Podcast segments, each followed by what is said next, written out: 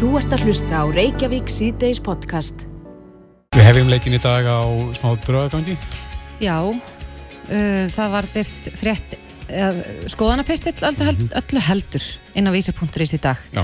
sem að formaður húsegandafélagsins skrifar og, og hann segir þarna að, að það hafi gerst að til húsegandafélagsins leiti fólk sem telur sér hafa kæft gallað fastegn vegna remleika. Já. Er það eh, talin vera galli þegar það kemur að svona stórum viðstjötum? Á Það er línunni stóra er, spurningin. á línunni er Sigur Helgi Guðjónsson, formað húsegindafélagsins, sæl. og þið bæði.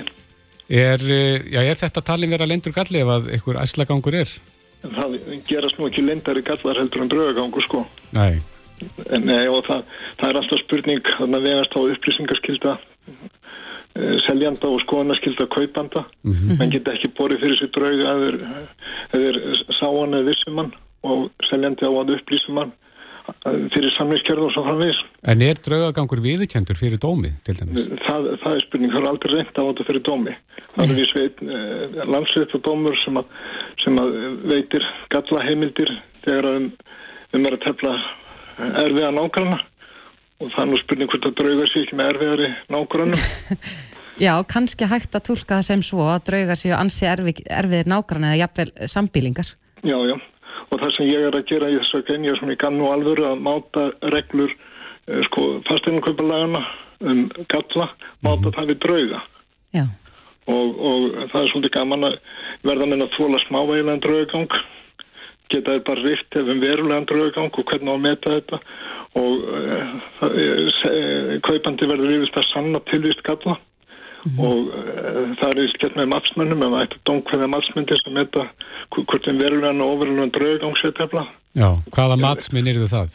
það eru sem sagt prestar og aðri sem eru með góð sambönd uh, við einhvern að handan Já. og uh, fyrir nokkrum árum að þá, þá, þá uh, var umræðum þetta og, og þá kom maður til húsindafélagsins sem að sagðist vera æsti prestur í kirkju heilara margöðar Mm.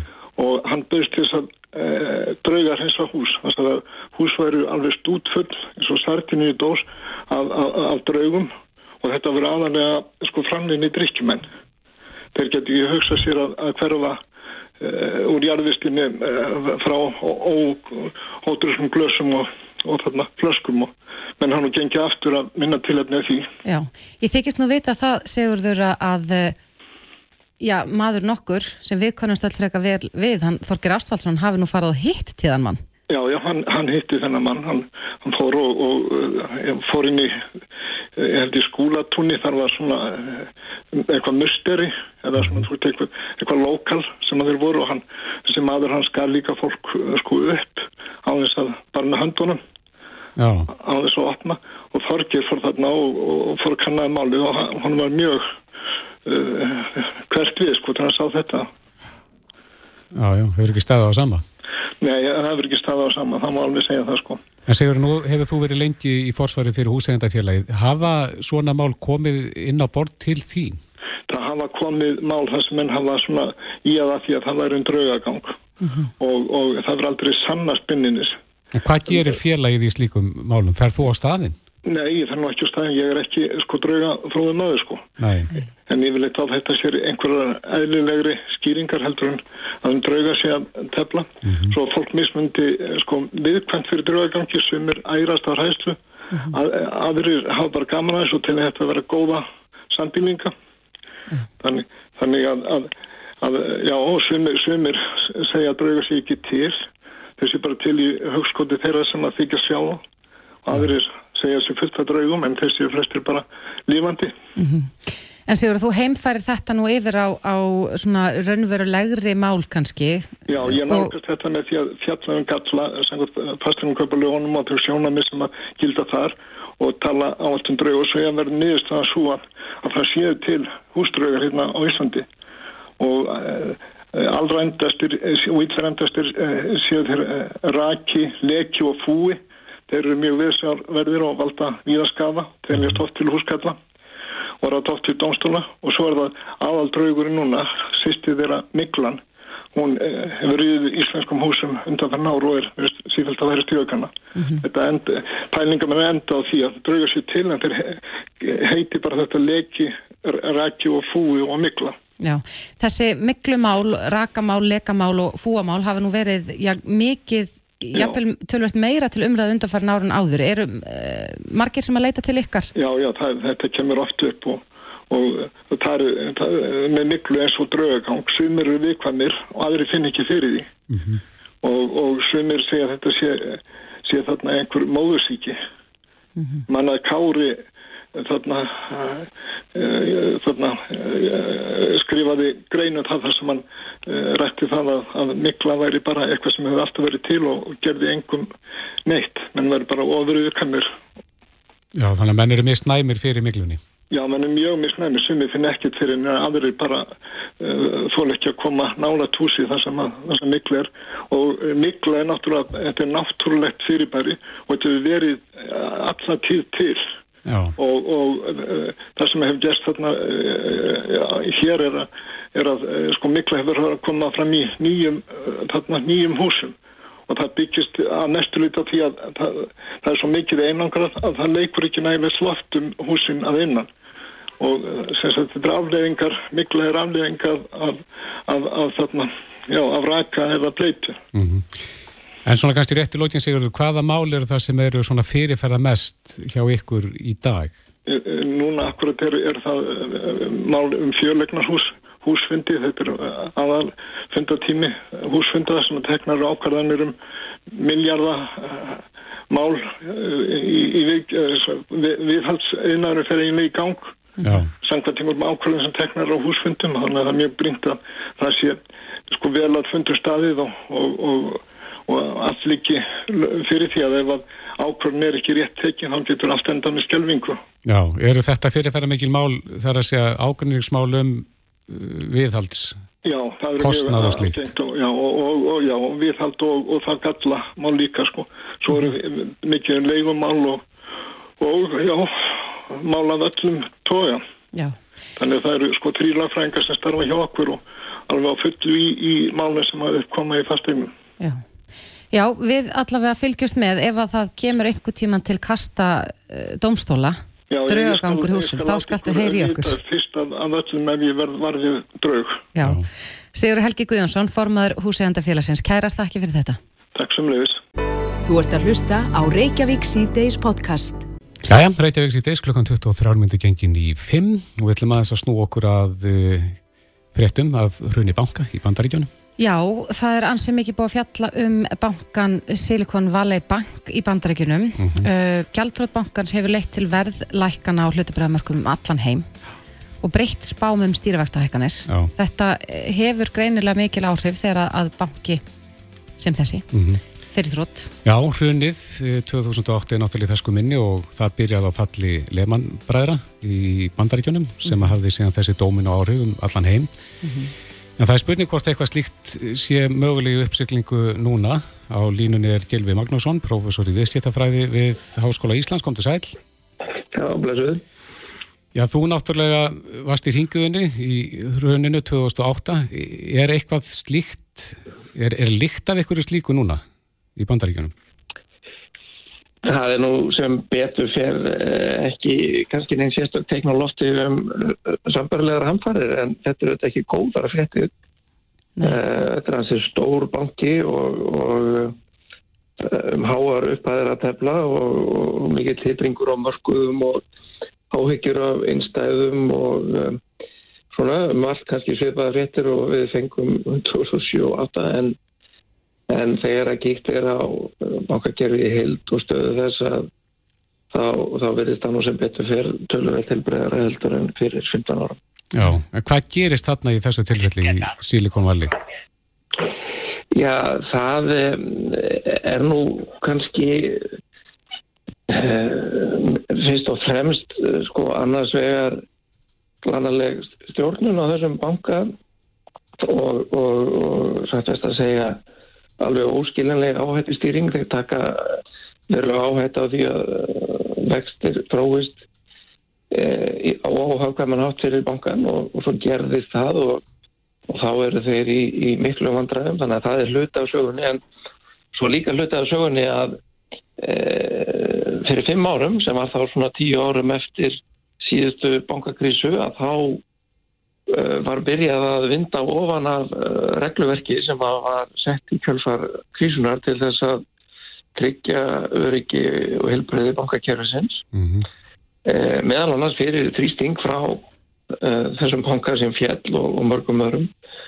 Þeir vildu að, að, að reglufarkanið væri einfaldað og gert þægilegra fyrir þá til þess að þeir getur blómstrað og og það fór nú ekki betur en svo að þeir fóru bara á hausin sem að, að segir okkur að, að, að það sé hættulegt að læra ekki af reynslunni að halda að e, það sé óhætt að afnema og leta allar þessar reglur sem voru settar til þess að komið veg fyrir fjármagakrísu. Já, en það, þetta er nú ekki eini bankin, þessi Silicon Valley Bank, það hafa líka borist þrettar af Signature Bank sem fór sömu leið og, og svo Í gær eh, við opnun marka þá hafðu bref í First Republic Bank fallið meir en 60%. Hvaða áhrif mun þetta allt hafa ef að þetta er ekki kannski forsmekkurinn af því sem við sáum hér fyrir hrun? En hver gætu áhrifin orðið? Já, ég held að það sé allavega alveg örugt að, að það verður týtringur og, og, og áhættu fælni á mörguðum eh, í talsverðan tíma. Það er yfirleitt eh, eitthvað sem gerist þegar að að markaðir verða fyrir áfalli að, að þá uh, verða menn varfarnir og, og, og hrettir og, og verða hlutabröfum lækkaði nú eitthvað í gær en um eitthvað að fara upp aftur í dag. Mm -hmm. þannig að það verða einhverja sveiflur uh, á, á verðið hlutabröfa í baukum sérstaklega.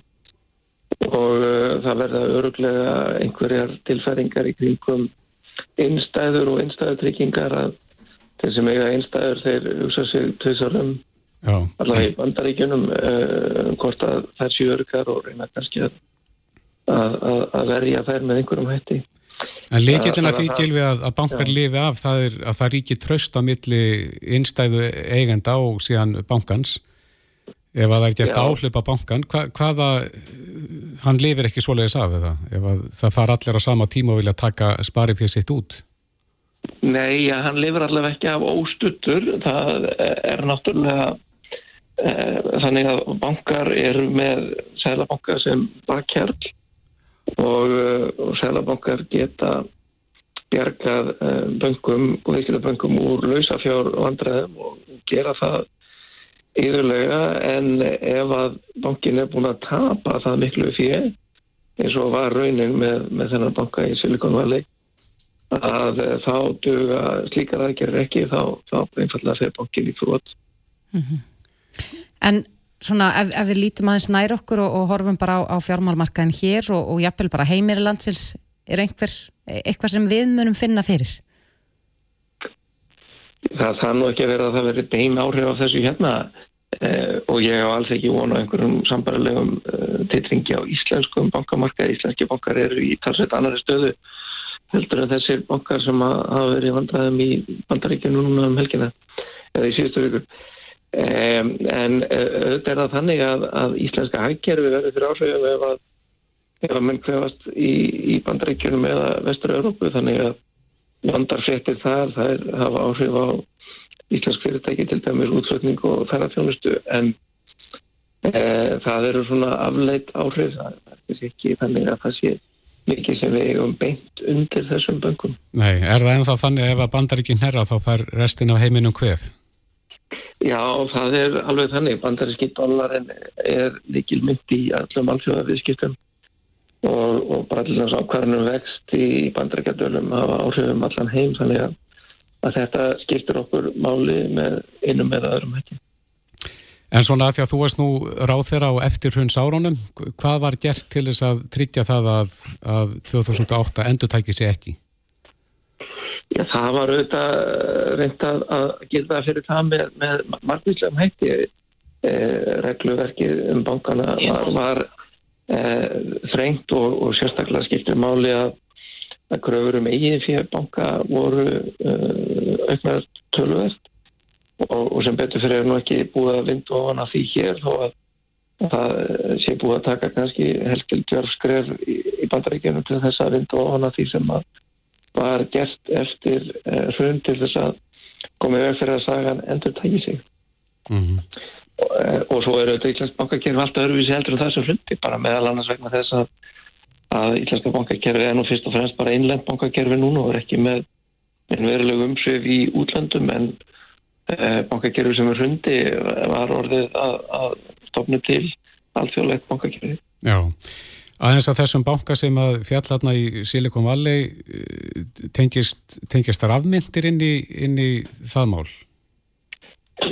Ég held að það hafði nú ekki verið mikið ef nokkuð í Silicon Valley en, en það var síðan annar banki sem að fjall í, í New York uh, Signature, uh, Signature hétt hann og heitir uh, hann hafði veðjað eitthvað gert á, á rafmyndir og, það verðist nú að hafa allt stóran þátt í að hann fjall þegar að þessi rafmyndamarkað búin að vera allir í tómi tjóni lengi mm -hmm.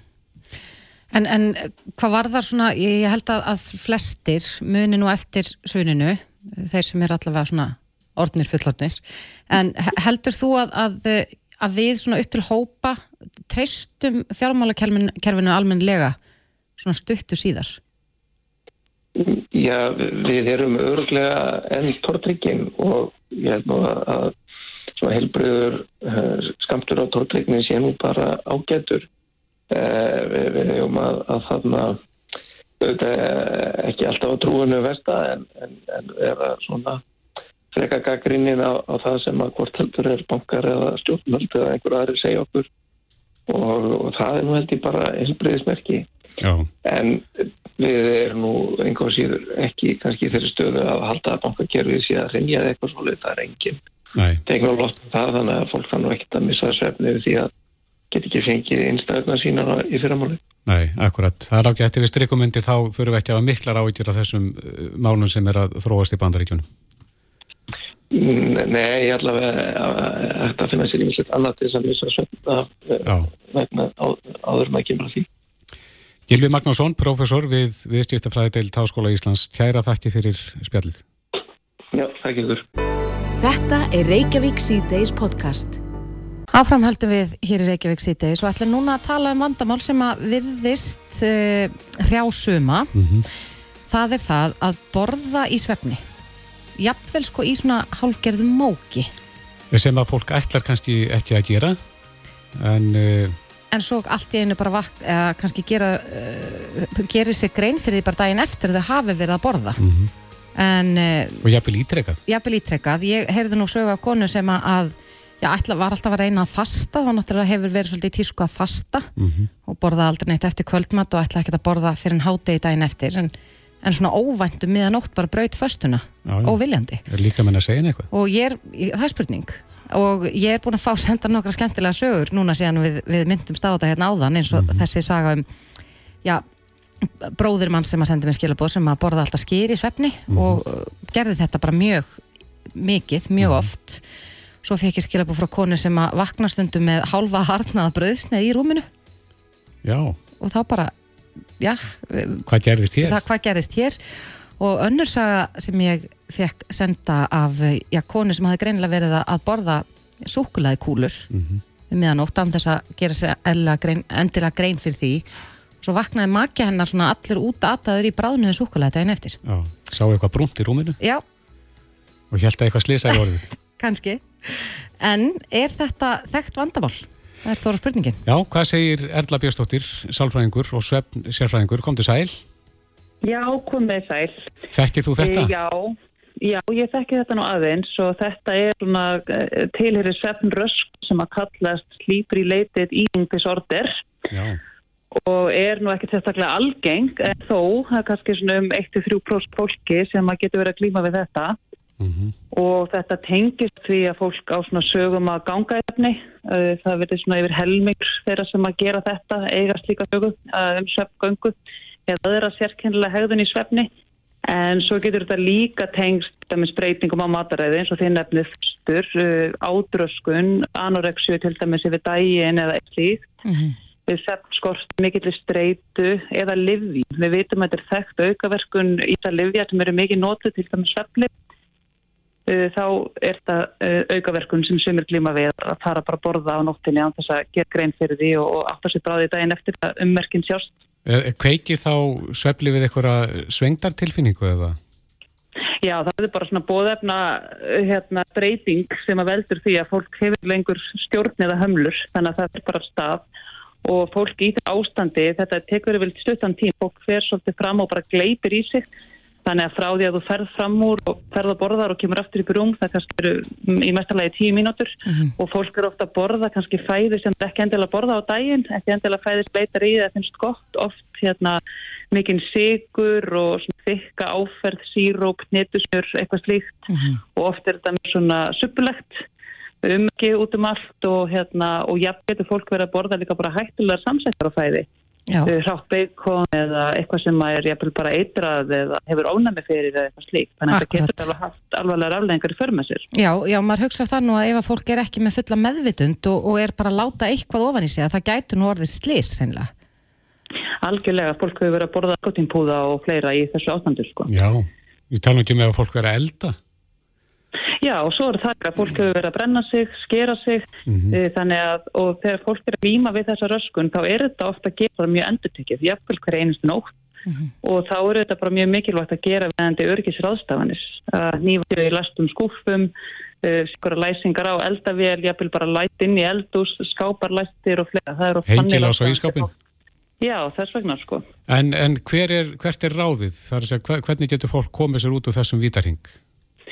Eh, það er náttúrulega mikilvægt að byrja því að hitta lækni eða einhvern sérfræðing sem getur að farði við málinn og skoða bara hver er triggerinn, hver er ástæðan og það er kannski byrjað að skoða hvort að við komum til að taka einhver liv eða einhver skyndilega breytingar hafi orðið á lífstíl eða öðru mm -hmm. sem getur verið að valda þessu eins og breytingar á mataræði eða eins og í nefnir lifi, sveppleysi eða annað og gera þá þannig breytingar uh, á þarf að halda Það er líkt að gefa ákveðin lif til að draga úr þessu, svona geðdefðarlif, SSR-lif eh, eins og þau eru kölluð.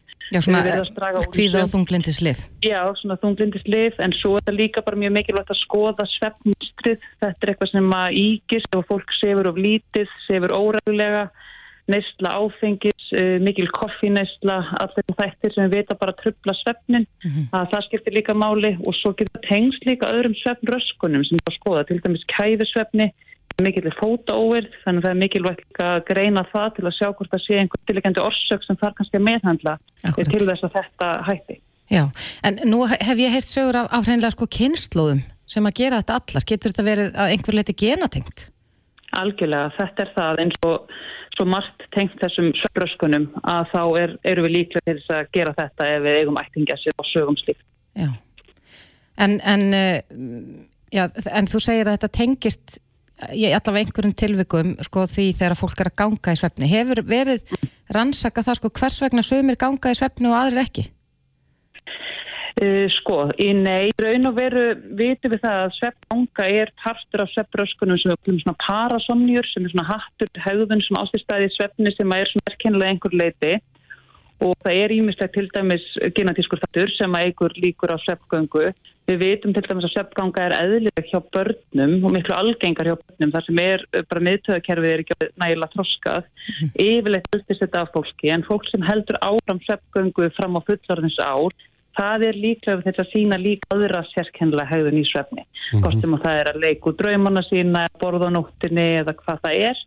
En hins vegar ef maður á sér einn sög um svefgöngu en byrjar allt í auðvitað í svefna fullorins árum, að þá er maður alltaf að hitta lækni og láta skoða það. Því það er eitthvað sem er sjálflegt og gæti bent þess að sé eitthvað óæðilegt í gangi sem sé valda því. Já, ef að eitthvað eh, verið varfið það að fjölskyldumælum er að gangi í svefni, hvernig á að bregðast við? Á að vekja viðkomandi? Yfirleitt er best að fylgja viðkomandi bara aftur í rúm, bara rólega og hérna vera ekkert að ekki að gera mikið mál úr því þegar það er svona vakið upp úr söpku. Þú dæst aðeins út aðna, getur endur tekið þetta? Já, yfirleitt er bara best að hérna, fylgja viðkomandi bara aftur inn í rúm, bara í mhm. róliheitum, við verum ekki endilegjan og gera mikið mál úr því að fólk getur verið áttað og ringlað uh, þegar það er ekki upp úr sörgöngu, mm. þannig að það er bara best að bara fylgja viðkomandi inn í rúm og tekja bara umhverfið sér öru, það sé ekki slísahattur, fólk sé ekki út á svali eða glukkar séu galoknir og allt. Já, akkurat. Eh, maður les nú ímislegt á netun, ég rakst hérna í gæra á eh, regluna 321 sem er langa til þess að bera þessu undir þig. Mm -hmm. En hún gengur út á það að maður eigi ekki að borða þremu tímum fyrir svefn, ekki að drekka tveimu tímum fyrir svefn og engin skjátæki klukkutíma fyrir svefn. Já, þetta er nú bara ágætsregla. Ég hef nú heilt þetta að setja upp svona áður en þetta er ágætsregla, minna skjátækjum, við viljum alveg klárlega sleppa þeim síðast eftir tíma fyrir sverð. Mm -hmm. Að drekka mig eftir kvöldmat, ég myndi nú segja það bara svona eftir kvöldmat eftir við nú bara að drekka svona ef við erum fyrst við sérstaklega þegar við förum að aðeins eldast þá bara eikst við sem að vakna nóttinu til að fara á salerni sem tröflaða svefnin mm -hmm. og svo er alls ekki gott að sofa með fullan maga því að við viljum líka minn geti einbit þér öllum sínum mikilvæg verkefnum sem hann er að gera nóttinu til við sofum. Við þurfum ekki að vera að vinna úr fæðunni og melda og, og við jæfnvel að upplifa bakæði og einhver meldinga vandamál sem tröfla svefnin okkar. Já. Þannig að þetta er bara ágætt En það er nú einhverju sem kannast við það að sko, ef maður borðar rétt fyrir svefn þá getur maður vaknað alveg glórsoltin. Er, er einhver útskýring á því ef maður er svona, já, tiltölu að nýbúin að borða þeir svo í háttin að þá vaknar maður eins og maður hafi bara aldrei borðað áður? Nei, það er ekki af hverju það er, en það er oft það að maður borða þunga málti fyrir svefn, það er kannski bara svo mikið að gera hjá líkamannum með myndina að vinna á rættis fæðunni og ekki í gangi að maður fær ekki nægilega kvilt og bara brenna miklu og er það svangur, ég veit það ekki, þetta er bara gett gáttur hjá mér, ég þekk ekki alveg hérna, ástæðinu fyrir því sko. Akkurat. Já, þetta var góð yfirreið og, og eflaust einhverju sem að kannast við það að borða í svefni og geta þá nýtt þessi ráð til þess að uh, já, reyna að losna við þetta. Erla Björnstóttir hjá betrisvefn.is Kæra þakkir fyrir. Takk fyrir. Þetta er Reykjavík C-Days podcast. Jæja, Reykjavík síðdeis heldur áfram. Það er stendur yfir kostning núna í stærsta stjættafélagi landsins, hvað fer? Já, þar er uh, formannslagur og, og uh, á morgun líkur þessari kostningu. Mm -hmm. Það hefur verið talað um það í fréttum að slagurinn hafi harnað og uh, ásakanir á báða bóa um, um ósamöndi og fleira. Já, þau eru komin til okkar, þau tvö sem vilja verða nýr formaður og gammal reyndar endur nýja umbóð sitt, Ragnar Þór Ingórsson núverandi formaður og Elvar Hönn Hjertadóttir velkomin. Takk fyrir, Takk fyrir það. Já, hvernig finnst ykkur bara að það ganga?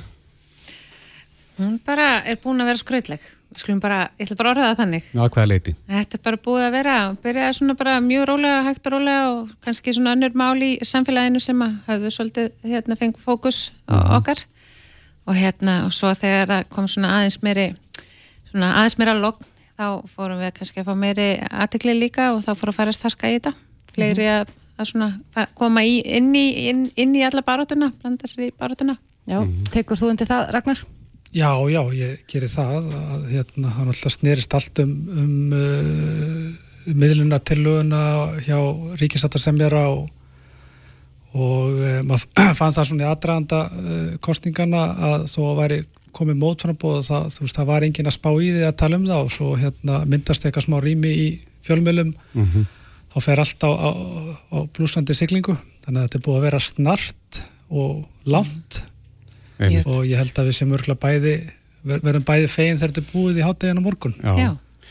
En Ragnar, þú ert svolítið að leggja uh, þín verk í, í hérna Dómkjósenda og það sem að þú hefur staðið fyrir sem formaður Hvað hefur þau staðið fyrir sem formaður á þínum tíma? Ég hef eh, auðvitað verið að eh, leggja svona, hvað sé ég, mjög mikla áherslu á húsnæðismálinn og, og uppbygginguna þar.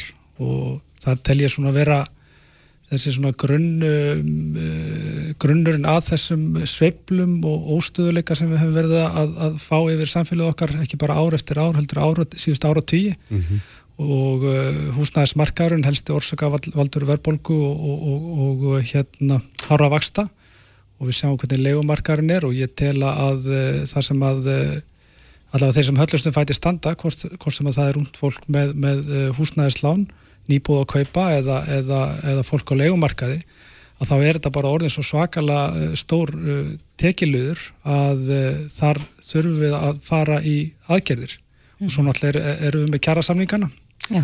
Það er náttúrulega, er, er risastóra málið.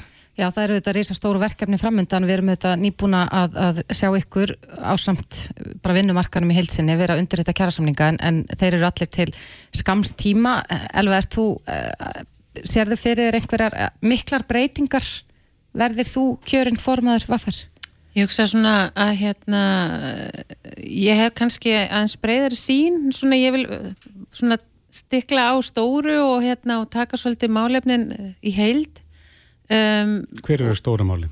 Stóru málin eru sjálfsögðu húsnæðismálin, þau eru vissulega mjög stór en að sama skapi líka margt annað sem er svona eh, sem eru áskoranir samtímans fyrir okkar félagsfólk og það fer alveg svolítið eftir því hvaðan fólk er að koma eða hver það er stætt í lífinu og svona. Og ég vil svona mæta þið meira þar sem að, að okkar félagsfólki er stætt í lífinu eh, og svona ávarpa okkar eh, málefni á breyðari hátt. Hvað áttu við með því? Þá er ég að tala um uh, að við þurfum að styðja betur við unga fólki okkar og, hérna, og, og styðja við þau þegar þau komið inn á vinnumarkaðin. Þetta er mjög svona brotaktur hópur vegna þess að þau eru bara ekki alltaf mjög meðvitið um sín réttindi. Er það fyrir ekki að gera það í dag? Við erum vissulega að mæta þeim á einhvern hátt en við erum til dæmis ekki með starfandi ungliðar á því vaffer og það er eitthvað sem ég mun beita mér mjög mikið fyrir ná í kjöri. Uh, en svo þurfum við líka að hlúa að okkar fólki sem er að fara af vinnumarkaði og þá þurfa uh, hérna, sveianleg starfslokka að verða veruleika og svo er það öll flórun þar á milli og alveg sama hvað við komum eða hvaða uppruna, hvaða kyni við erum eða hvort erum hinsegin eða ekki hinsegin, trans eða hvernig það er við þurfum að horfa svolítið á þennan fjölbrytileika innan félagsins og ég mun beita mér sérstaklega fyrir því og hafa þá þessa hérna kröfugerð okkar e, í huga og, og samkvæmt út frá þessum jöfnum, sagt, þessum fjölbreytileika. Mm -hmm. Ragnar, er, það, er þetta eitt af stóru málunum uh, í þínum bókum eins og hún ræði hér að við þurfum einhvern veginn að, að líta á þetta á breyðari grunni? Uh, já, já, við getum alltaf gert betur og, og ég er alveg sammála elfu að við höfum átt standa okkur betur varðandi eins og með ungliða ráð og, og fleira Eh, þar eru sannlega tækifæri og, og þar er hægt að gera betur. Við höfum uh, settum á laginnar öldungaráð og, og eldri félagsmenn eru með sérstakka kröfugerð uh, fyrir eldri félagsmenn og þar kennir ímis að grasa, það eru húsnæðismálinn og, og það eru greiðslur í hérna sem falla niður við 70 ára aldur sem að ættu hann að koma inn í lífyrirsjóði uh, og skerðingarnar auðvitað. Við erum að fjármagna málsókn gráa hersins sem er að stefna ríkinu fyrir skerðingar. En, en uh, klárlega uh, við getum alltaf gert betur og það, og það er alltaf að finna einhverja hluti sem að, sem að mætti skerpa betur á og ég er bara að sammála elfu með það mm -hmm. En nú hefur verið, já eins og þið segið að þá var kannski þessi slagur frekar rólegur framan af en, mm. en svo hafa gengið ásakanir á báða bóum um já, ósanendi og óhróður og fleira er, er þetta ekki búið að vera drengileg bara að, að þínum að þetta er elva? Sko ég held að þegar það eru svona fleiri sem að fara að blanda sér í umræðuna og fara að blanda sér kannski í málina þá fer þetta svolítið að flækjast og hérna og að mörgu leiti þá líti ég svo á að, að það hafi einhverju verið fleikt þarna fram af ýmsum aðilum sem að bara á sér ekki neyn rauk í, í raunveruleikanum. Eins og hvað? Uh, bara það að ég sé handbendi íhaldsins og ríkistjórnarinnar og að ég sé farið fram fyrir einhverjum saleghóp og eitthvað slíkt um, ég held að þurfi nú ekki nema bara eitt Google til að sjá hvað hver ég bara er í þessum málum og hvernig ég hef svona talað um hlutina og, og, hérna, og samfélagið mitt síðustu ár og, og það þarf ekkert að, efast um neitt um mitt ágæti eða mín heilindi í þessu öllu saman. Ég er að bjóða mig fram bara á mínum einn forsendum og vegna þess að, að mér þykir vænt um félagið mitt og mér þykir vænt um samfélagið mitt og ég veit að við getum gert betur. Og ég vildi leggja það í dóm félagsfólks og gefa þeim val að kjósa sér sína fóristu núna á þessum mikilvægu tímapunkti þegar við erum að fara inn í kjæraviðræður og það var mitt svona agenda bara frá degi eitt en svo náttúrulega bara eru komna svona ymsar getgáttur um það hvaðan ég kem eða fyrir hver, hverja ég er að bjóða mig fram mm -hmm. Ragnar, eh, hefur, hefur þetta verið að báða bóa? Einhvers konar óhróðurs herrferðir? Æ, ég bara uh, kosið að reyna að halda mig svolítið fyrir utan uh, þetta. Þetta er uh, eins og staðan bara er í dag í samfélaginu, þá er bara orðræðan.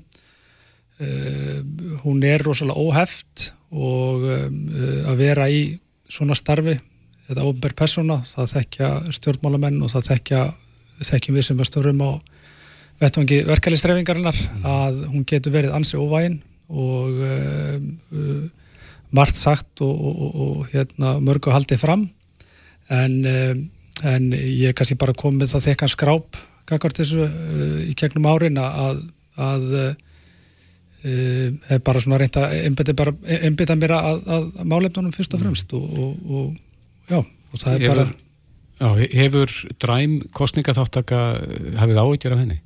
Já. Hvað eru margir búin að kjósa núna? Í gær voru það tæplega 20% sem að voru búin að kjósa í 40 manna félagi mm -hmm. og já, ég hef miklar áhyggjur af því að, hérna, að við erum ekki að ná betur til okkar félagsfólks en þetta er ekkert, ekkert eitthvað nýtt að nálinni, hún hefur ofta ekki verið mjög góð kostningaþáttakann. Mm -hmm. um, nú er ég búin að nýta tíman minn í þessari kostningabaratu einmitt að fara út og hitta fólk og minna þau á að kjósa og ég var nú bara að koma hérna úr slíkurum, slíkum erindagjörðum og það er svolítið hérna svona gegnum gangandi það er þetta, það er unga fólki okkar og svo er það fólki okkar innflytjundunir sem að, sem að við erum ekki að ná nægilega til sem að ég er svona þemað í gegnum mínar vinnustæðheimsóknir og, og hérna og við þurfum greinilega að gera eitthvað öðruvísi þarna til að ná til fólks og líka bara að finna leiði til þess að vekja áhuga fólks á réttindum sínum og, og, og stjættafélögum og og verkefliðsreifingunni því að þetta er ekki bara átök og þetta er ekki bara eitthvað leðilegt þetta er líka bara, þetta er, þetta er svo mikið nöðsynja uh, þetta er svo nöðsynlegu partur af okkar veruleika mm -hmm. Hvernig hefur, Ragnar, hvernig hefur sko, þáttakan í þessum kostningu verið hinga til eins og til dæmis, ef við tökum sem dæmi þegar þú varst kjörin var þáttakan meiri þá en, en þessi 20% sem við erum að sjá núna? Nei, hún var ekki meiri þá, en hún hefur verið að síga upp á við sem er svo sem jákvægt eh, tölurnar sem við erum að sjá núna. Ég var svona aðeins að rýna í tölurnar og þetta hefur alltaf verið svolítið svona uh, uh, munstrið. Það er að segja að það kemur góð þáttaka strax í byrjun, svo þetta aðeins niður, mm -hmm. síðan uh, er auglist og, og senda SMS og, og, og einhverju postar og þá kemur oft svona smá skott, þannig að ég kemur ekki óvart að við vonandi náum upp í 25% eh, sem er svipað eins og við náðum eh, í, fyrir tveimur árum síðan eru stjórnarkjör þarna árin á milli og það er þegar formannsstólinn er ekki undir að þá er eh, kostninga þáttakann mun minni við náðum kostningu um kjærasamningun okkar hjá hérna, FA-samningnum upp í 30% núna síðast og, og það telst nú bara nokkuð gott að því að eh, þetta er svo óbúslega blandaður hópur og blandað félag og það er bara erfitt að, erfiðar að náti fólks í dag heldur en var. Er það of blandað? Mm, já og nei. Uh, uh, uh, ég myndi segja sko það eru, já það er kannski meiri líkur að verður allir jafn óanæður heldur en jafn ánæður þegar þú gerir kjærasamning en, en það hafa oft komið pugmyndur um að skipta félaginu upp eða eitthvað slíkt en, en, en þetta er líka vandamál hjá fleiri stórum uh, félagum eins og eblingu þar hefur kostninga þáttaka uh, sjaldan farið upp fyrir 25% að, að, að mér minnir að hafa -hmm. verið veri hvað best. En síðan aftur á móti þau eru komið stjættir eins og, og kennarastjættirnar eða, eða sjúkrarliða það sem er með miklu svona, uh, svona fókusæri hóp þá er yfirleitt þáttakann uh, kannski nær 80-90% eða eitthvað slíkt eða, eða betri. Þannig að þetta er, þetta er uh, við erum stöðut að vinna í þess að reyna að ná til fólks og, og, og síðan alltaf er bara fólk út um allt. Uh, þeim fækkar ekki samfélagsmiðlunum sem fólk er á og, og eins og segi þetta er, þetta er stöðu áskorun. Mm -hmm. Rétt aðeins hérna í, í lokin. Þið nefnduð húsnæðismálinn sem stóru, stóra málið sem að eflust margir takundir Viljum Birgisson, formar starfsgrunarsambansins, var hjá okkur í spjalliðum daginn og hann segir að það sé komið tími til að ræða gjaldmiðilin. Mm. Og er ekki hrifan á króninni, vil taka upp annað gjaldmiðil, hvar standið þið í þeim málum? Vi, við komumst nú aði í síðustu viku á frambásfundi á vegum aðferða, við erum nú eiginlega tiltvöla sammála um þess, þetta mál, þetta er svona kannski eitt að fá sem að við hefum verið sammála um síðastlunum vikur. Mm -hmm.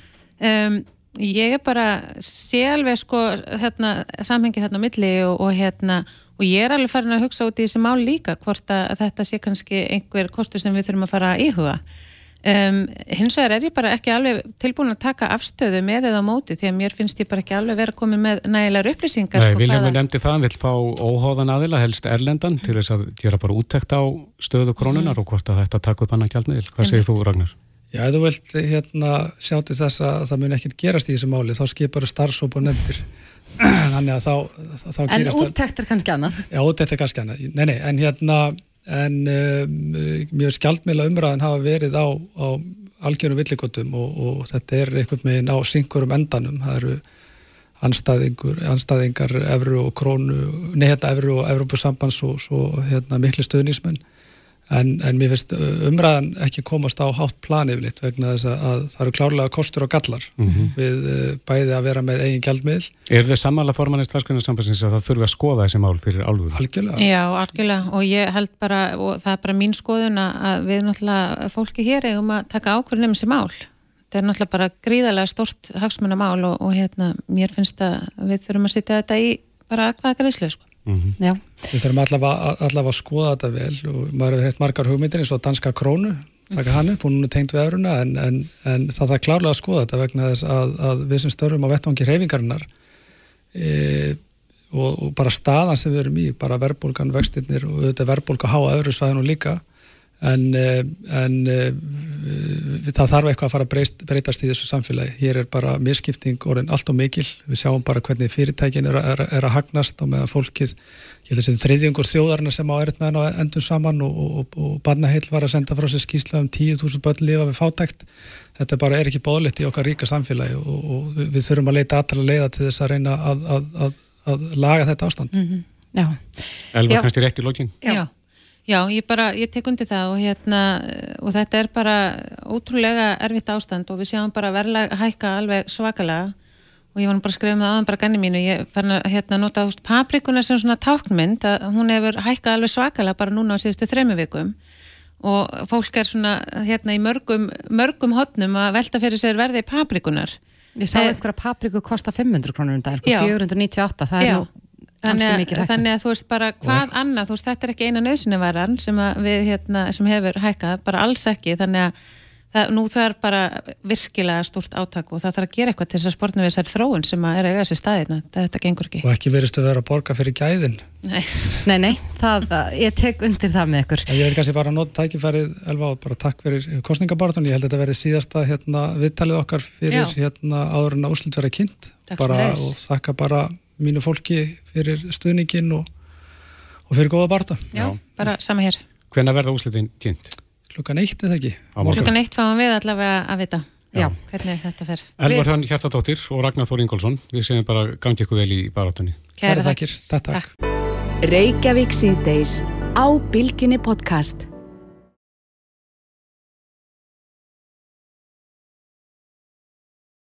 Áður við höldum ekki lengur áfram þá eh, fengum við símtal í símatíma hérna áðan Já. frá hann Ingu í Vesturbænum mm -hmm. sem að sagði að síðan var orðið kallt heima Já. ekki mikið hlita opnánum og baða okkur um að kannamáli og við gerðum það og höfðum samband við veitur og eh, samkvæmt svari frá veitum að þá sjá starfsmenn það er ekkert augljóst að kjærvonum eins og er en veitur eru að skoða málið eftir ábyrninga frá íbúum í Vesturbænum vonandi verður þessu kipt í lag sem fyrst það er náttúrulega ískallt úti en kannski góðu frétna það er að það var hlýnaðan sem helgina. Já, en, en svo sko... kólnar endur aftur. Já, akkurat, þetta er annað svikavórið. En e, það eru vangaveltunum það hvort að út af þessum kulda, hvort að þrýstingunum í kerfinu sé minni. Mm -hmm. Já, vonum að ynga sér hlusta. Já, en að öðru og mun alvarleiri málum Það bárust, uh, var ansi ítarlega og flott fréttin á vísi.is um helgina og sem að segir frá því að, að frá árunnu 2000 hafa að minnstakosti nýju manns mm -hmm. látist í sundlegum hér á landi og á síðustu þremur mánuðum hafa þrýr látist í sundlegum á höfuborgarsvæðinu. Það eru sláandi tölur mm -hmm. og uh, við rákum augun í það að Hafþór B. Guðmundsson sem er sérfræðingur á sviði sund og björgunamála Hann hefur lengi kallað eftir því að komi vera lakirna sérstakri rannsóknar nefnd sundlögar slisa. Já, hann skrifaði mitt greinum uh, þessi mál uh, árið 2021 sem fjallar í mitt um þessi, þessi slis mm -hmm. og Hafþór er á línunu og kom til sæl. Komið í sæl Já, Hafþór, þetta er auðvitað sláandi tölur að lesa að nýju hafi látist á, á síðustu, já, rúmi 20 árum í sundlögum. Já. Hvar þurfum við að byrja til þess að reyna að koma í veg fyrir þessi slis? Um, þetta er nú ekki auðveld spurning en þetta er mjög flókið mál og alls ekki auðveld að, að uh, tryggja það þannig að, að þetta, þetta gerist ekki meira en hins vegar held ég að að nummer 1, 2 og 3 þá, þá þurfum við einhvern veginn að fá íslenska sundluða verði til að, að uh, taka stafsitt mjög svo alvarlega mm -hmm. og, uh, og þá á ég við það að, að þegar einhver er ráðinn í þá vinnu að vera laugavörður að þá liggi það algjörlega ljóst frá uh, fórstöðumanni eða yfirmönnum laugarinnar í hverju starf þeirra er fólkið og að þeir fylgi þá síðan þeim vinnureglum 100% Mhm. Og í- ekki 90% Nei. En í hver ætti þetta starf að vera fólkið? Það er að segja til þess að, að allir séu á tánum. Já sko, það, það náttúrulega að vera uh, algjörðar grundvallar vinnureglur í sundjónum um uh, hvernig starfið er, er sett út og hvað menn eiga að gera sem að fælst náttúrulega í að, að fyrir, fyrir vakt að koma í vekk fyrir að það séu mögulega einhverjar ástæði fyrir því að það getur orðið slís og heitir pottar, klórmagn í vittlisu, hálka og göngum, þið veit ég að vera í í fyrirbyggjandi starfi frá því hún mætir á vinnustæðin og í fyrirbyggjandi starfi þar til að þú ferða af þinni vakt. Og þá á ég við það að, að laugavörðu þegar að hann er á sinni 20 mínútna eða 30 mínútna vakt sem að þeir skipta á millisín sem að starfa starfa þarna að þeir séu þar með 100% aðtíkli á lauginni, umhverfinu, gestunum og mögulegum hættum og geti það að leiðandi bröðist við því við komum aldrei vekk fyrir að það getur orðið slís það, það getur eitthvað fengið hjarta áfall hvar sem er, hvort í í potti, í laug eða bakka eða hvar sem er. En laugarvörðurinn hann þarf að vera 100% viðbúin að vita hvað hann þarf að gera til að reyna að koma í vekk fyrir bröðastins Já, hvað með gerst. tæknibúnað myndavélar og, og uh, forrit sem, sem að nema reyfingaleysi eða slíkt? Já, sko, það eru náttúrulega langt flesta laugar eru komnar með myndavélar sem að, sem að hjálpa til við að fylgjast með lauginni og jafnvel neðanvarsmyndavélar. Af Því að við vitum nú til dæmis bara við tökum lögdarslaugin að þá er þetta stór sundlaug og uh, í þeim kvöldin sem er á Íslandi í dag að, að þá er mikil guða sem að kemur þar upp. Þannig að auðvitað finnum maður svo litið til með laugaverðin í því að reyna að horfa út í laugina og þú sérði ekkert um að guðu og svo sérðu fólk við og við. Þess vegna er svo mikilvægt að, að myndaðela búnaður sem er undir vatninu sé mjög vel uh, vaktaður því þar, þar sést allavega ef eitthvað er að gerast. Nú, uh, Sundhöllin er komin með, með búnað sem heitir Swim Eye og fylgist með öllum hreyfingum á botninum eða á, í, í vatninu. Og uh, þetta er mjög uh, góðu búnaður sem hann metur hreyfingu og, og sérstaklega hann fer niður. Hann er heldur dýr eftir eitthvað tíu miljónir að setja þetta upp og, og, og sjá um það. En, en ég held að það, er, miklu, miklu dýrar að fyrir samfélagið alla ef að, ef að við missum einn, einn mann Já. eða barn. En Hafþór eins og þú komst inn á hérna um, um, um helgina í þessari fréttin á vísi.is að þá segir þú sko að þín upplöfun er svo að þegar þessi slis verða í sundlöfunum að þá farið inn á bort til lauruglu en síðan fréttist ekkert meira. Hvernig uh, ætti þetta að vera? Ja, það er svona mín upplifin. Ég er svo sem ekki, ég er ekki tengdur uh, neinum af þessum, þessum uh, aðilum eins og ég er. Ég er búin að kalla eftir því að það verði stopnud uh, rannsókn og fag, faglegri rannsókn nefn uh, druknarslýsa eða slýsa í sundlugum, hvort sem það er druknarslýs eða önnur slýs, þannig að hægt sé að, að fylgjast með því hvað gerist og að það eru upplýsingar sem að sem að koma fram, það, er, það sé hægt, það sé eitthvað nefnd sem að er fagleg sem að getur því miðla því til annara sundlega að uh, það bila svona kerfi eða þetta þarf að passa og uh, koma þannig í vekk fyrir að það verði slís eða, eða sennilega döðarslís. Þannig að menn læri af hverju tilviki fyrir sig. Já, við, við fáum þær upplýsingum sem við erum að ræða. Nú hef ég rætt við bæði aðila uh, innan, innan kerfisins og reynd að fá upplýsingar hjá fórstöðumönnum sem að almennt sé, ég vil taka það fram, almennt sé eru fórstöðumenn og sundlöðar að standa sér greiða vel. Ég er ekki að gaggrína það. Heldur, það er, það er eitthvað staðar uh, skemmt epli eða eitthvað að gerast sem að verður til þess að þessi slís verða.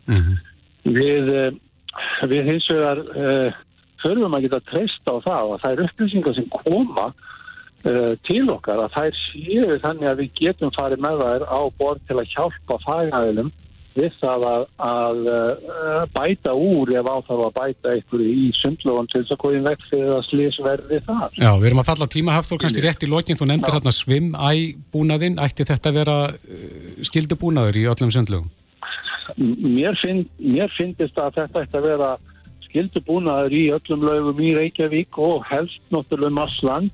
Við gerum okkur eins og að grein fyrir að lítil sveitafélag út á landi hafa kannski ekki möguleika á þessu en en uh, það kostar líka að vera með auka mann til þess að fylgjast með og reglugerðin er kannski ekki alveg nógu ströng í því til að koma í, í samræmi við uh, sveitafélagin að það megi vera einn vörðu sem að sé bæða að selja inn og fylgjast með lög, mm. það getur verið alveg hættilegt. Já. Þannig að þetta þarf að, þetta þarf að vinna sama þar sem þetta er hægt. Já, eh, Hafþór, við skulum vona að, að eh, það veri tekið til í þessu málflokki og þaukum þér kærlega fyrir. Hafþór B. Guðmundsson, sérfræðingur á sviði Sund og Björgunar Mála. Takk kærlega. Takk ykkur kærlega fyrir. Takk fyrir. Bless, bless. Reykjavík síðdeis á Bilginni podcast. Það bárast við eftir að því að kanadískur auðkífingur hafi keft uh, jörðina Horn í Skoradal. Já. Og uh, með í kaupunum fylgdi heilt fjall þetta er ekkert, þetta er ekkert, eitthvað hvaða fjall sem er, Nei. þetta er skessuhort við, við þekkjum þetta flest í sjón en uh, þetta er umræða sem hefur komið upp áður og þegar að já, land er selt og þar er einhverja náttúruperlur sko, við eigum samt samkvæmt lögum að mega fara þarna um og gangum og skoða mm -hmm. En það eru þetta dæmið þess og við höfum sér dæmið þess að landegundur hinnlega loka svæðum og skerða þar með okkar almanna rétt. Já, sá ekki rétt í morgun, var ekki vermiðin 150 miljónir á þessari jörð? Það getur vel verið. Ég held ég að sé það. Mér finnst það ekki mikill peningu fyrir svona fjár. Nei, nákvæmlega. En hann er sestur hjá okkur, Tómas Guðbjörnsson, hjarta á Lúnaskurleiknir, uh, útvistamæður mikill. Kom til sæl. Já, þú tjáðiði nú aðeins um þetta og, og, og svona kannski hefur pínuleittar áhyggjur af því að, að okkar réttur sem hér búum til þess að fara um landið okkar verði skertur?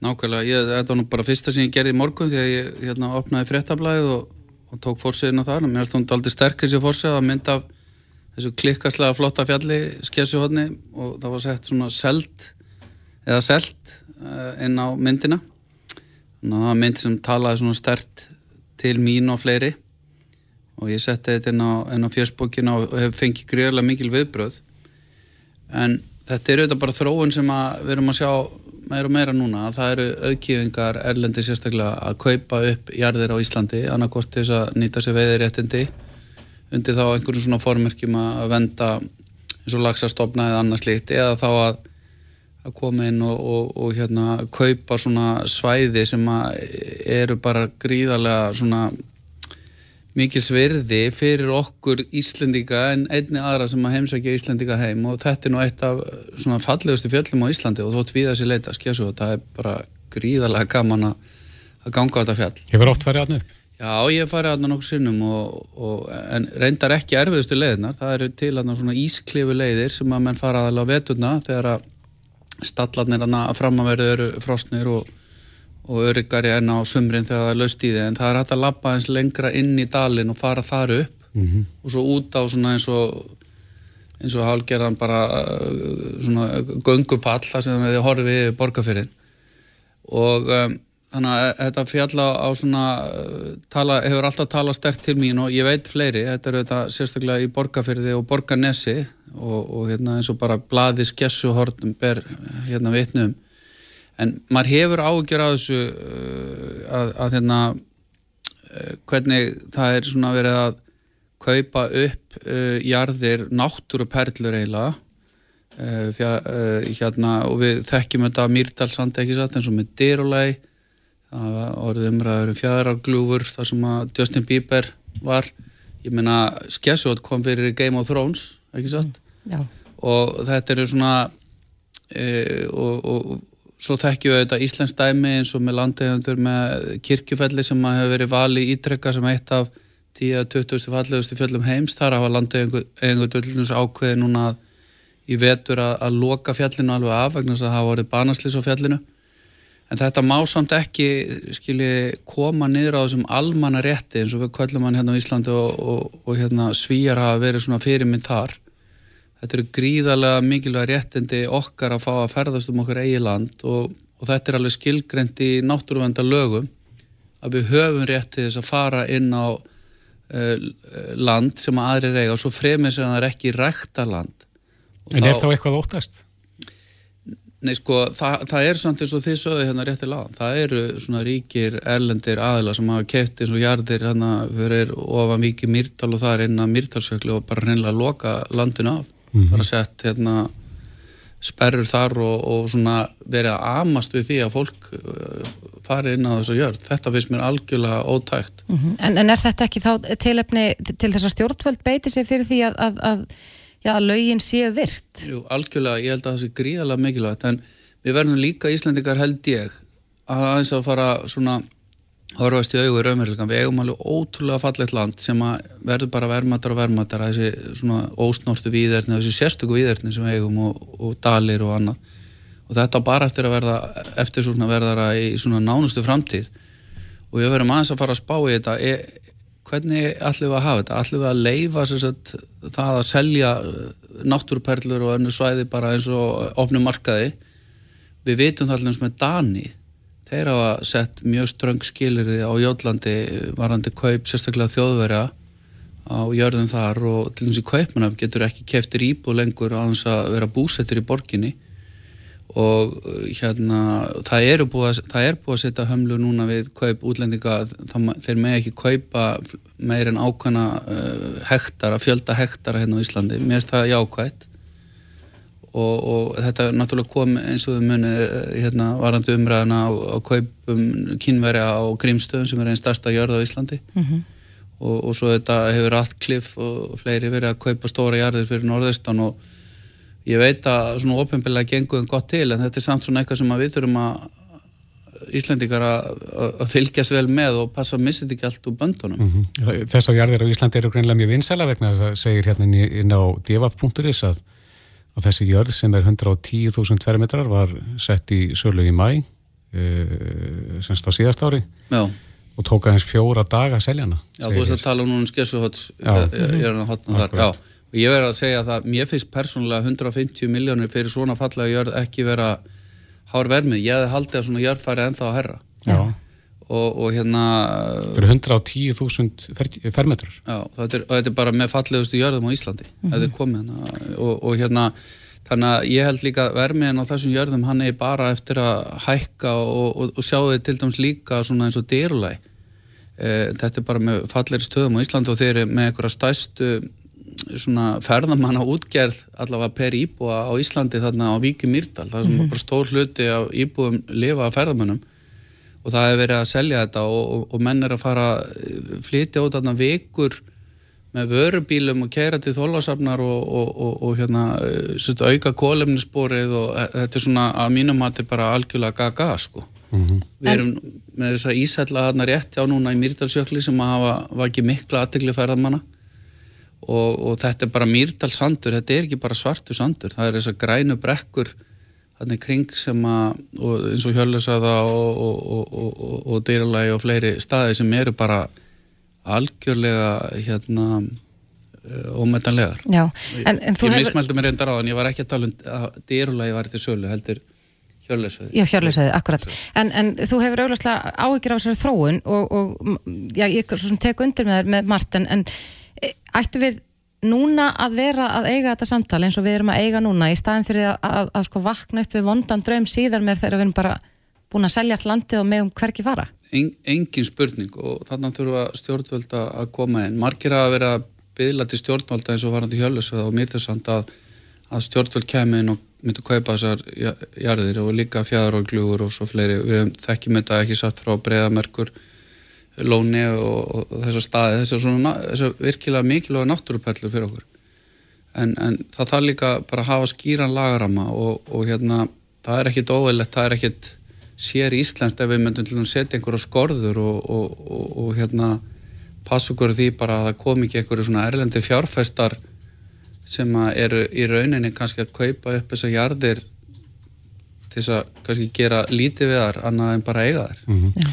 og, og hérna en en mér er líka mikilvægt bara að koma þess að að það má ekki skerða hann almanna rétt okkar og þetta áhauðta við um íslenska eigandu líka. Þú veist að, að ég heldum sem er í ferðarfélag Íslands og aðri sem er uh, með hópa og svona að, að við fáum að fara inn á inn á þessi svæði til þess að fara í fjallgöngur. En nota bene það er alveg sjálfsagt að byggja um leifi sérstaklega ef þetta er fleiri en einn eða tveir að fá að fara um þess að jörð jáfnveg þó að þetta sé ekki rækta land. Þetta er svona snýst um mannlega samskipti og... Fallin á tíma, Tómas, við getum talað um þetta í allt kvöld, kannski rétt aðeins í lókin ertu byrjar að plana næstu ferð upp á stjásuhotn? Já, það, þetta hefur reyndar, þú veist þú nefnið það bara staðið til hjá mér svona tíma en var það eitthvað neina ekki að því. Ertu verið ítt aðeins við þér? Það er ekki, ekki, ekki hérna óvíst að, að ég fari bara hann um helgina. Já Tómas, fyrir velkomið með. Já, Tómas Guðbjörnsson, læknir og útvistamæður. Kæra þakki fyrir komina. Takk fyrir. Hlustaðu hvena sem er á Reykjavík C-Days podcast. Í gær byrtist fréttin á vísi.is og þar er talað um offitu vandan. Mm -hmm. Það segir að Ísland sé í fjórða sæti á lista yfir lönd sem eru best sett til að takast á við offitu vandan. Já, er það skýrt eitthvað nánar? Hvernig við færum að því? Já, það, sko, þetta er svona röðuna kerfi, þetta eru sagt, heims samtök um málefni offitu sem að taka þennan lista saman mm -hmm. og, og röðuna kerfi tekur mið af, af sko, viðbröðum heilbreyðskerfisins í hverju landi fyrir sig Já. eins og staðan er núna og svo skuldbindingu landana við innlegging og stefnu þegar kemur að forvörnum gegn offitu. Þannig að þetta á að steinleikja hjá okkur? Eh, svo verist vera, Já. en það er nú ekki langt síðan, bara fyrir örfáum vikum síðan var, voru stopnið samtök hér á landi, eh, samtök fólks með offitu Já. og þau töluð um að þeir, þeirra rattir þurfa að heyrast, þau mæti fordómum innan heilbreyðskerfisins mm -hmm. og úrræða leysi. Já, á línunni er Viljum Þór, Þórsson, heilbreyðis ráþæra, komdu sæl. Já, komið þess að. Já, þessi málaflokkur likur hjá þér, það takast á við þennan, þennan vanda. Ef við byrjum á því, erstu sammála því að, að við erum í dauða færi? Já, ég er sammála þessu og ég það kannski svona uh, fyrst að vísa bara til þess sem er oft að tala um sem íslenska forvartan mótilið sem að kannski drefa fram það sem við voruð að tala um og vísi þessi greinum um að við séum í, í kannski helst í færum til þess að takast á þetta. Mm -hmm. sem eru þetta, þetta eru þetta mjög alvarleg þróun að gerast bara í heiminum þegar kemur ofþyngd og ofþyttu en okkur tókst það hér með mikillir vakningu allra í samfélaginu og svona samfélagslegri nálgun sem ofta er vísa til sem íslenska forvaldarmótilið þegar vorum að takast á við svona výmöfna nótkun ungmenna. Mm -hmm og náðum eh, gífulega miklum árangum með einmitt þessu uh, samfélagslega móteli og gaggrendri uh, eh, aðferðarflæði og ég held að við eigum ekkert að vera að finna pjólið í því og, og taka höndum saman uh, gegn þessari neikvæðu þróun Já. og helsufars vanda sem mun óklákamilega að fylgja. Já, á síðast ári viljum þá rættum við, við einn af, af forsprökkum af þessu íslenska móteli og hann sagði að, að Já, það er eins og við höfum bara hreinlega nánast glemt í hvað við ættum að gera. Við höfum áður náð gríðarlegum árangri eins, árangri eins og þú segir með sko výmöfnanir neistlu hjá ungu fólki en eh, að það þurfi mjög samhend átaka, ekki einungi stjórnvöld, það þarf íþróttafélug, það þarf bara allt samfélagið heilsinni til þess að láta þetta mótil virka. Stendur til að, að dusta rikið af þessari þekkingu? Já, ég, ég held að við hefum að sko það eru, þetta koma alltaf nýjar áskoranir og, og, og jáfnvel þegar við erum að ræða e, vímöfnin eins og bara tópakið, það kom alltaf nýjar vörur og nýjar áskoranir og við hefum bara haldið okkur við það sem við tekjum og kunnum og höfum sínt fram á að virkar uh, þar sem við tökum höndum saman einmitt og horfum til nær samfélagsins og fyrir einstaklingin og, og hérna þarna er áherslan lög á það hvað eru börnin okkar og unlingarnir að gera í frítímanum jafningi áhrifin uh, tengsliði skóla og íþóttur og tómstundir og, og öll félagsamtökin og svo ekki síst heimilið og sambandið við fóröldarna og þetta er það sem við þurfum raunverulega bara að fylgja í þessu við forverið minn hér í, í heildauðsöndunu Svandi Sáðstóttir skipaði hóp, starfshóp með bara landsliði landsliðinu í, í, í, á þessu sviði eh, sem er, er leitt af ennbætti landlæknisemitt og, og uh, vinna þessa hóps táðis nú í gegnum faraldurinn en, en, en, en þeir hafa tekið þráðin upp og, og ég á vona því að þeir munu, munu skila tilögum Já. á þessu sviði til mín fljóðlega. Já, en Viljum, það er eins og Þórtís nefndi ég náðan, það er stopna samtök fólks sem að glými við ofittu sem að finnst eh, ekki nóg gert í dag í þessum málum. Já, ég hef, ég, hef, ég hef bara alveg skilninga á því sko og við þurfum að gera miklu betur í þessum efnum og einmitt fari í svona heldræna samfélagslega nálgun. Mm -hmm. Já, eins og framkomið þessari frétti gær uh, í þessari skýrslu frá heimssamtökum um málefni offitu að þá er því spáðað um helmingur mannkins muni glíma við offitu árið 2035. Það er innan örfára ára og, Já, og greinilegt að, að, greinilegt að, að eitthvað þurfa að gera til þess að sportna við þessari þróun. Já, ég held að við höfum bara í þessu neyslu samfélagi okkar og, og þá höfum við einhvern veginn bara tapa sjónum og látið uh, sko undir hægleikja að takast á þetta almeinlega og allt og lengi. Mm. Hvar ætlað þú að byrja? Ég ætla að fá tilögur frá þessum hópi og ég ætla að horfa til íslenska forvarnar mótilisins og, og, og við þurfum að þræða þetta inn í okkar líðhelsu aðgerðar áallum og líðhelsu stefnu, alveg sérstaka, sérstaka, hérna, sérstaka vinnu í þessu. En það er eins og í íslenska mótilinu Þetta er raunverulega ekki átagsverkefni, þetta er bara gegnum gangandi ferðlega sem við breytum haugðan og viðþorfu og þetta snýrað öllu sem að uh, raunverulega stýður við heilsu eflandi lífstíl. Það þarf að breyta lífstíl þjóðarinnar? Já, er, við þurfum öll að samanast um það. Það er, það, það er bara það sem íslenska forvaldamódeli gengur út. Já, en þú býður eftir, eftir tilögum frá þessum starfsóp en, en þú varst nú líka að, að stopna, eða ætlar í það minnst að stopna starfsóp um aðgera áallin fyrir já, þá sem að glýma við alvarlegan vímöfnavanda. Það barst fréttir af því um helgin að, að þú varir hlindur því og teltir þörf á, á svo kallari morfín klíning, ekki satt? Jú, og það sem að kannski þessi vinna þessa hóp sem að fekk það verkefni að, að, að horfa inn í það sem að heiti hefur fengið nafni afklæpavæðingar uh, frumvart og hefur komið tviðsvar fyrir þingið og, og ekki hlotið afgræslu en þess að það eru mjög ólík sjónum sem gilda um þá nálgun og snýr nú helst af því að skilgarina neyslu skamta þannig að, að, að það sé ekki refsivert að vera með, með, með neyslu skamta. E, ég tók þetta máli bara mjög breytt samráð og notenda með að samráð og, og, og, og með alla við borði sem að láta sig þessi mál varða á þekkja og svo umræðan við það borð hefur leitt í ljós að það okkur vantar heilstæðri stefnu gagvart þessum hópi að því það eru svo við þurfum þarna ekki dósip að vorum að ræða varandi íslenska mótilið svona samhæða nálgun. Þannig að er, þessir einstaklingar eru gætnan uh, án húsnæðis mm -hmm. og, og við þurfum, og það er oft talað um vísaði aðferðsæðina housing first, við þurfum að sjá því við það gefur höfuðið. Það eru fæði og, og klæði og framfæsla En svo þeir sem eru mjög langt leittir og þetta er gætnan tengt e, výmöfnanótkun mjög langt leittir og sjúkir að, þeir þurfa þá skafa minkandi úrræði samhliða og, og þar, er, þar þurfum við að gera betur. Við erum auðvitað bæð á geðdel landsbytarnas og við erum með vóg, er, við erum með viðhalsmeðferð, mm -hmm. það sem hægt er að nálgast livja meðferð uh, en, en, en uh, það hendar ekki öllum, það hefur bara komið í ljós. Nei, en viljum... Skada, mest skada minkandu, já, afsakaðu. Já, ég laga svo að spyrja þið bara rétt í lókin, sko, hver, vitum við að hversu stór þessi hópur er? Hversu margir einstaklingar myndur nýta sér slíka þjónustu?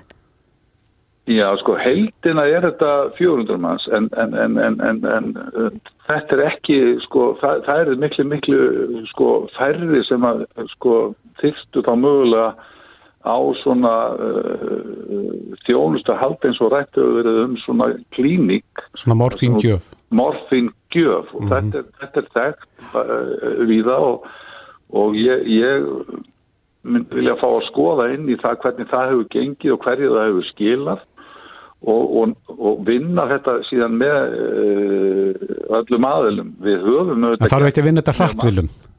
Jú, það þarf að vinna þetta hratt. Við erum, við erum, við erum auðvitað búin að vera að bjóða upp á til þess að koma í veg fyrir svíkingar og fleira og smitt að þá hefur verið að bjóða upp á uh, reynar nálar og aðstofa fólk í, sem er í neistlu. Mm -hmm og við höfum uh, dreift hér nálóksin nefóðanum þar sem uppkoma bráðaðastæður, við höfum ráðið uh, eða fjármagnar tvö stöðugildi hjúgrunarfræðinga til að vera með heilbæðisjónustu á vettfangi mm -hmm. e, og, og svo bjóðum við upp á viðharsmeðferð og við þurfum að horfa til þess að bæta þessu úræði en, en, en, en samaða þetta betur í saminu við sveitafélagin og, og, og aðeila innan bæði félagsfjónustunar og þá félagsmálvarandi og helbriðis þjónustuna. Já, verðum að setja punktin hér. Viljum Þór, Þórsson, þeirra. Kæra þakki fyrir að gefa það tíma. Miklu drekar. Kæra þakki. En þá skiptum við yfir á frettastofuna. Já, enda er við nánast komin í mark. Já. Þórtís Bræði Kristófi þakka fyrir sig. Við minnum að það að viðtölunur er all komin inn á vísi.is. Við heyrumst aftur á slæginu klukkan fjögur á morgun. Verið sæl.